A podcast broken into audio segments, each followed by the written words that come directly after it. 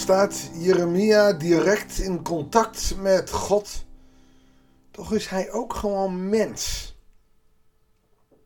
Zijn ik, zijn frustraties, zijn dingen die ook hem parten spelen. We gaan het vandaag ontdekken uit het gedeelte van Jeremia. Goeiedag, hartelijk welkom bij een nieuwe uitzending van het Bijbels Dagboek. We lezen Jeremia 37, vers 11 tot en met 21. Toen de farao met zijn leger in aantocht was en de Galdese troepen van Jeruzalem wegtrokken, zoals voorzegd, probeerde Jeremia de stad ongemerkt tussen de mensen te verlaten naar het gebied van Benjamin te gaan. Er staat niet bij waarom hij dit wil doen. Maar hij piept er tussenuit. Hij smeert hem. Hij is het zat.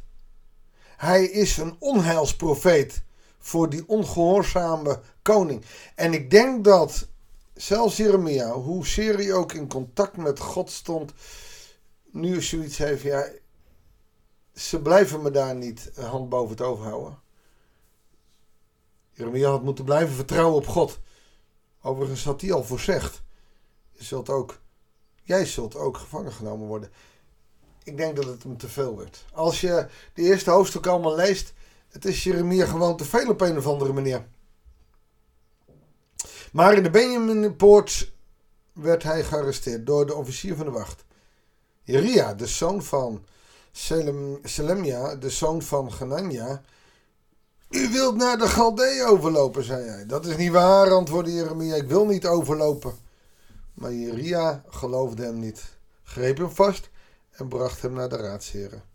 Die werden woedend op Jeremia, liet hem stokslagen geven en zette hem achter slot en grendel in het huis van de schrijver Jonathan, waarvan een gevangenis was gemaakt. Zo kwam Jeremia in het overgewelfde kerken terecht, waar een lange tijd zou verblijven. Wat ik niet snap is dat deze mensen, terwijl ze belegerd worden, hun eigen mensen ook nog eens met stokslagen kapot maken. Waarom doe je dat? Hoe bruut kan je zijn? Je ziet daarmee ook meteen dat dit niet een volk is wat afhankelijk is van God, maar gewoon zijn eigen wijze weggaat.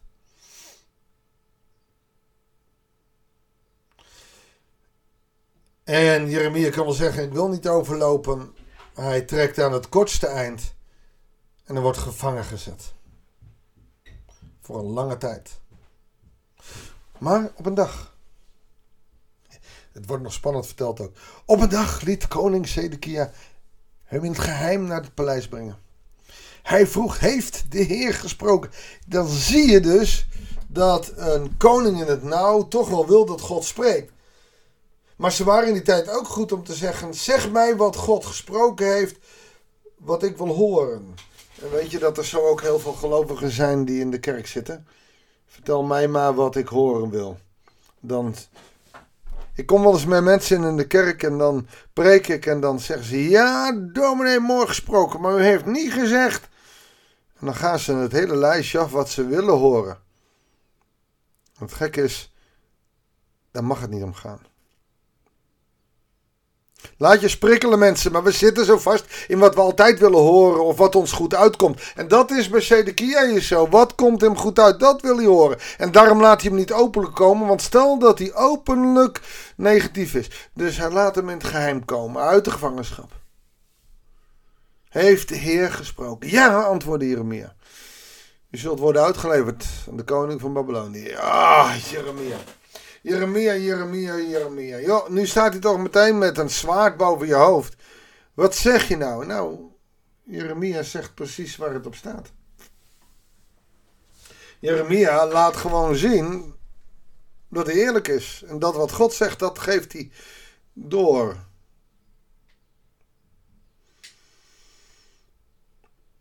Vervolgens werd er ook gezegd, u zult worden uitgeleverd aan de koning van Babylonië. Dat was al voorzegd. Maar je ziet, ze willen het niet horen. Dit is een slecht nieuwsgesprek. Wij willen alleen maar horen dat het goed gaat. Heb je dat, dat maken we allemaal wel eens mee. Je komt iemand op straat tegen en zegt, hé, hey, hoe is het? En iemand zegt, nou, niet zo goed. En die gaat ervoor staan en die gaat je een heel verhaal vertellen. 9 van de 10 keer willen we dat helemaal niet horen. Nemen we geen tijd voor. Willen we alleen maar horen dat het goed gaat. Als je wil weten hoe het gaat met iemand, neem dan ook de tijd om het echte antwoord te vinden.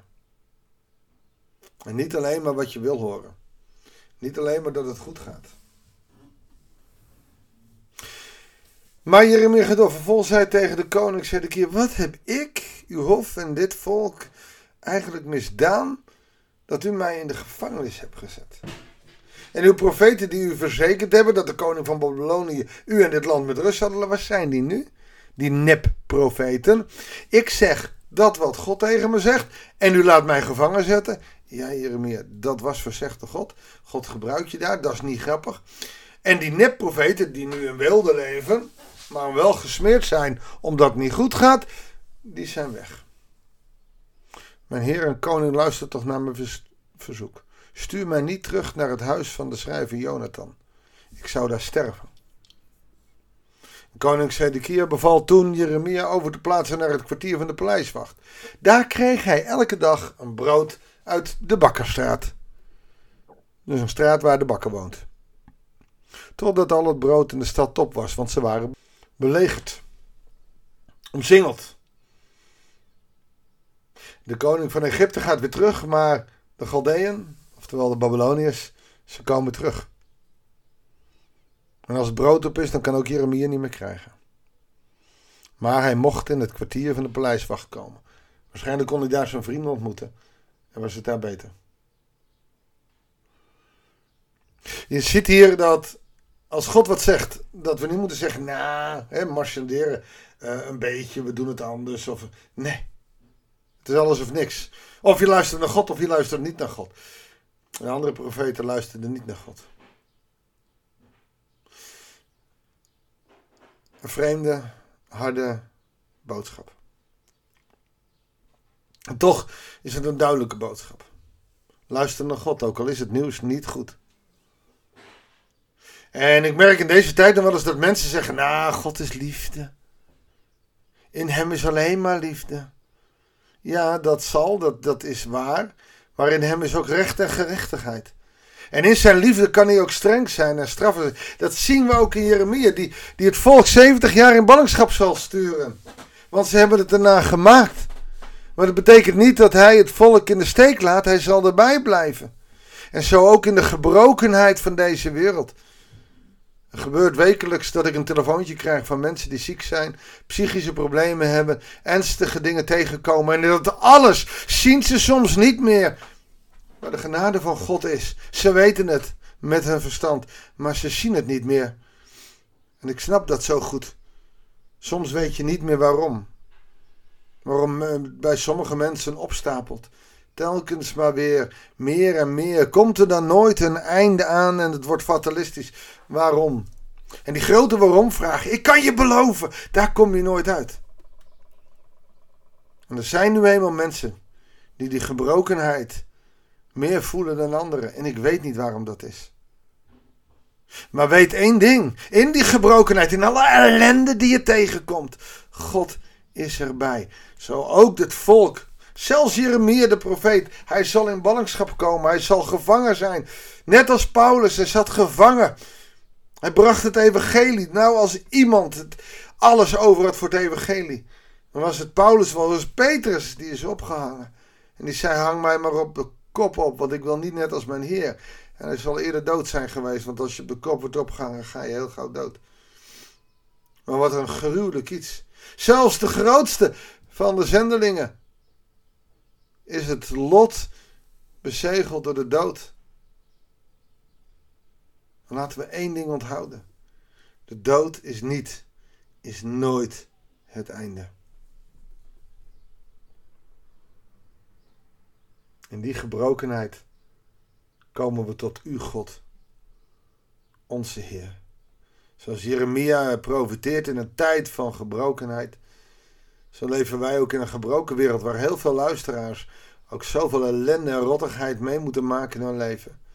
Heer, omring ze met uw liefde, met uw genade. Ik bid voor ze, dat ze dwars door alles heen mogen voelen dat u erbij bent. Heer, leer ons zo ook in die gebrokenheid te blijven luisteren naar u. Want alleen dan kunnen we tot zegen zijn. En kunt u ons tot zegen zijn. Heer, raak ons aan. Ook als het heel moeilijk is. In Jezus' naam. Amen. Dankjewel voor het luisteren. Ik wens je God zegen. En heel graag tot de volgende uitzending van het Bijbelsdagboek.